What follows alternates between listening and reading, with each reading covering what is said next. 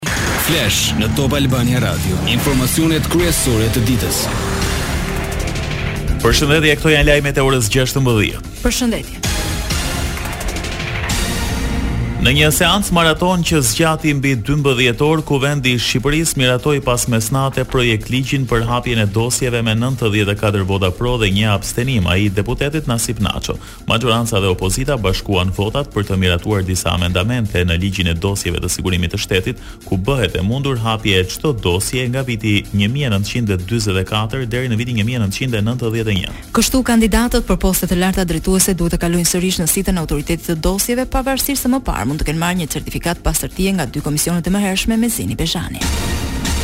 Ilir Meta i vënë nën akuzë, Si ish bashkëpunëtor i Sigurimit të Shtetit, do i nënshtrohet riverifikimit. E shkuara e tij do kalojë në filtrin e Autoritetit të Dosjeve, pasi klauzola që e mbronte u shfuqizua nga Parlamenti. U mbars mali, polli një mi, thotë populli. Mali u mbars në njëzet e pesë korrik, në mes të vapës, me një email anonim dhe polli një mi mbrëmë mesnatës më kanë thënë se unë kam qenë në një festë familjare të një mikut tim. Për kreun e Partisë së Lirisë, ligji që synon ta ekzekutojë politikisht është produkt i marrëveshjes Rama-Basha. Edhe kjo loja e historisë me IM-në është një lojë e përbashkët Rama-Basha. Kjo u bë mbasi u hoqën dy anëtarët e autoritetit, u zvendësuan me dy njerëz të Lulzim Bashës, tre i kishte. Edi Rama, edhe kjo histori u bë siç e keni parë ju. Pa Lulzim Basha do përpiqet të prish punë sa të mundet, ai është peng.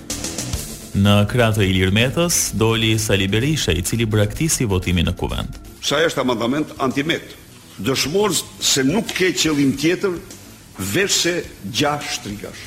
Qëllimi i dytë, i Edi Ramës është të përdorë dosjet për rekatim. Për ligjin që synon të nxjerrë jashtë politikës spiunët e ish-sigurimit, socialistët bashkuan votat me demokratët e grupimit Alibeaj. Pas këtij votimi ka reaguar Berisha, kryedemokrati mendon se grupimi i Alibeajt bëri vetëm një gabim që nuk rrezikon negociatat për ribashkimin e dy grupimeve në Partinë Demokratike për zgjedhje. Por Ilir Meta mendon ndryshe, ai paralajmëron Berishën për kërcënimin që i vjen nga afrimi me demokratët që bashkuan votat me Edi Ramën. Bisedimet janë absolutisht të sinqerta, nuk ka asnjë dyshim në këtë mes. Deputetët që votuan kanë bërë një gabim, në fakt votim fatik.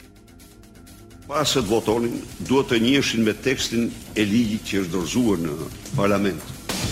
Kemi të bëjmë me deputetë të cilët nuk kanë se ça të humbasin, përveç pazareve që vazhdojnë sepse janë peng. Ata elektorat nuk kanë. Ata dinjitet nuk kanë. Ata moral nuk kanë. Ata besë nuk kanë. Pedagogët kanë lajmëruar se të hënën do të kenë sërish protestë kombëtare duke theksuar se do të ketë bojkot deri në plotësimin e kërkesave për rritje page. Protesta është lajmëruar në orën njëmbëdhjetë para korpusit universitar në Universitetin Politeknik të Tiranës. Sot ishte dita e pestë e protestës së pedagogëve, të cilët kanë bojkotuar mësimin që në ditën e parë të nisjes së vitit akademik. Aeroporti i Tiranës njofton të gjithë pasagjerët se për shkak të një greve të personelit të trafikut ajror në Itali do anulojnë të gjitha fluturimet e parashikuara për sot drejt vendit fqinj dhe anasjelltas. Kështu sot nuk do të ketë fluturime në aeroportet e Barit, Bolonjës, Ankonës, Bergamos, Veronës, Milanos, Genoas, Riminit dhe Romës. Përjashtim do të bëjnë fluturimet e ambulancës, ato të kërkim shpëtimit dhe për ndihma humanitare. Nesër kryeqyteti do të mikpresë garën e vrapimit Fun Run Tirana me nxënësit e shkollave nëntëvjeçare dhe të mesme, ndërsa të dielën do zhvillohet aktiviteti më i madh ndërkombëtar sportiv dhe promovues i vitit, Maratona e Tiranës. Për mbarëvajtjen e këtyre dy aktiviteteve, policia ka hartuar dhe planin e masave për menaxhimin e trafikut në të gjithë qytetin e Tiranës, në të gjithë perimetrin e garës në funksion të sigurisë Është vendosur sinjalistikë e përkohshme rrugore, ndalim qëndrimi dhe pushimi për mjetet. Lajme nga rajoni. Presidentja e Kosovës Vjosa Osmani pohoi se javët në vijim do zhvillojnë takime me ekipet e kancelarit gjerman Olaf Scholz dhe presidentit francez Emmanuel Macron për të treguar më shumë detaje për propozimin franko-gjerman lidhur me dialogun mes Kosovës dhe Serbisë. Në një konferencë për media, Osmani tha se ka iniciativa franko-gjermane që ka për qëllim intensifikimin e dialogut. Kryetari i AAK-së, Ramush Haradinaj, deklaroi sot se është takuar dhe ka diskutuar me kryeministrin Kurti për përmbajtjen e një marrëveshje potenciale me Serbinë. Haradinaj tha se finalizimi i këtij procesi duhet të bëhet me vulën e SHBA-ve dhe se marrëveshja do të duhej të nënshkruhej në Washington. Kujtojmë se dialogu Kosovë-Serbi me ndërmjetësimin e Bashkimit Evropian ka nisur në vitin 2011. Lajme nga bota. Trupat ruse dhe ukrainase duket se po përgatiten për një betejë të madhe për qytetin strategjik industrial, portin jugor të Hersonit. Luftime dhe evakuime u njoftuan sot në rajon, ndërsa Moska vazhdoi sulmet me raketa dhe dronë ndaj infrastrukturës kritike. Qyteti Herson është më i madhi që Rusia ka nën kontroll në Ukrainë dhe është një objektiv kryesor për të dyja palët për shkak të industrive të tij kryesore dhe portit të madh lumor.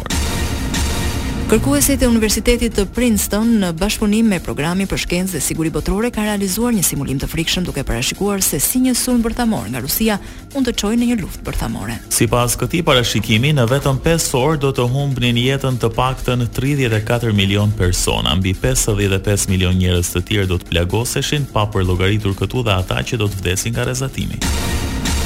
Pas rreth tridhjetë minutash liderja italiane e së djathtës ekstreme Giorgia Meloni dhe aleatët e koalicionit do takohen me presidentin Sergio Mattarella për formimin e qeverisë italiane.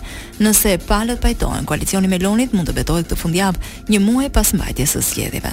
Ish-kryeministri italian Silvio Berlusconi pritet t'u bashkohet diskutimeve, pavarësisht shkundjes së unitetit të koalicionit me komentet që ka bërë pro presidentit rus Vladimir Putin. Sport. Xhudistja nga Kosova, Nora Gjakova ka arritur të kualifikohet në finalen e Grand Slam që po zhvillohet në Abu Dhabi. Gjakova ka mundur të fitojë ndeshjen gjysmëfinale ditën e sotme duke shënuar 4 fitore radhazi vetëm sot. Në gjysmëfinale ajo arriti të mposhtë gjeorgjianen Eteri Liparteliani. Ajo tashmë ka siguruar medaljen e argjentit dhe në finale do të presë një duel mes Kikai dhe Mimi Hu.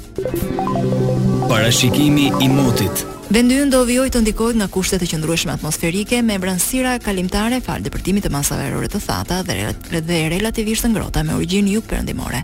Temperaturat variojnë nga 6 në 26 gradë Celsius.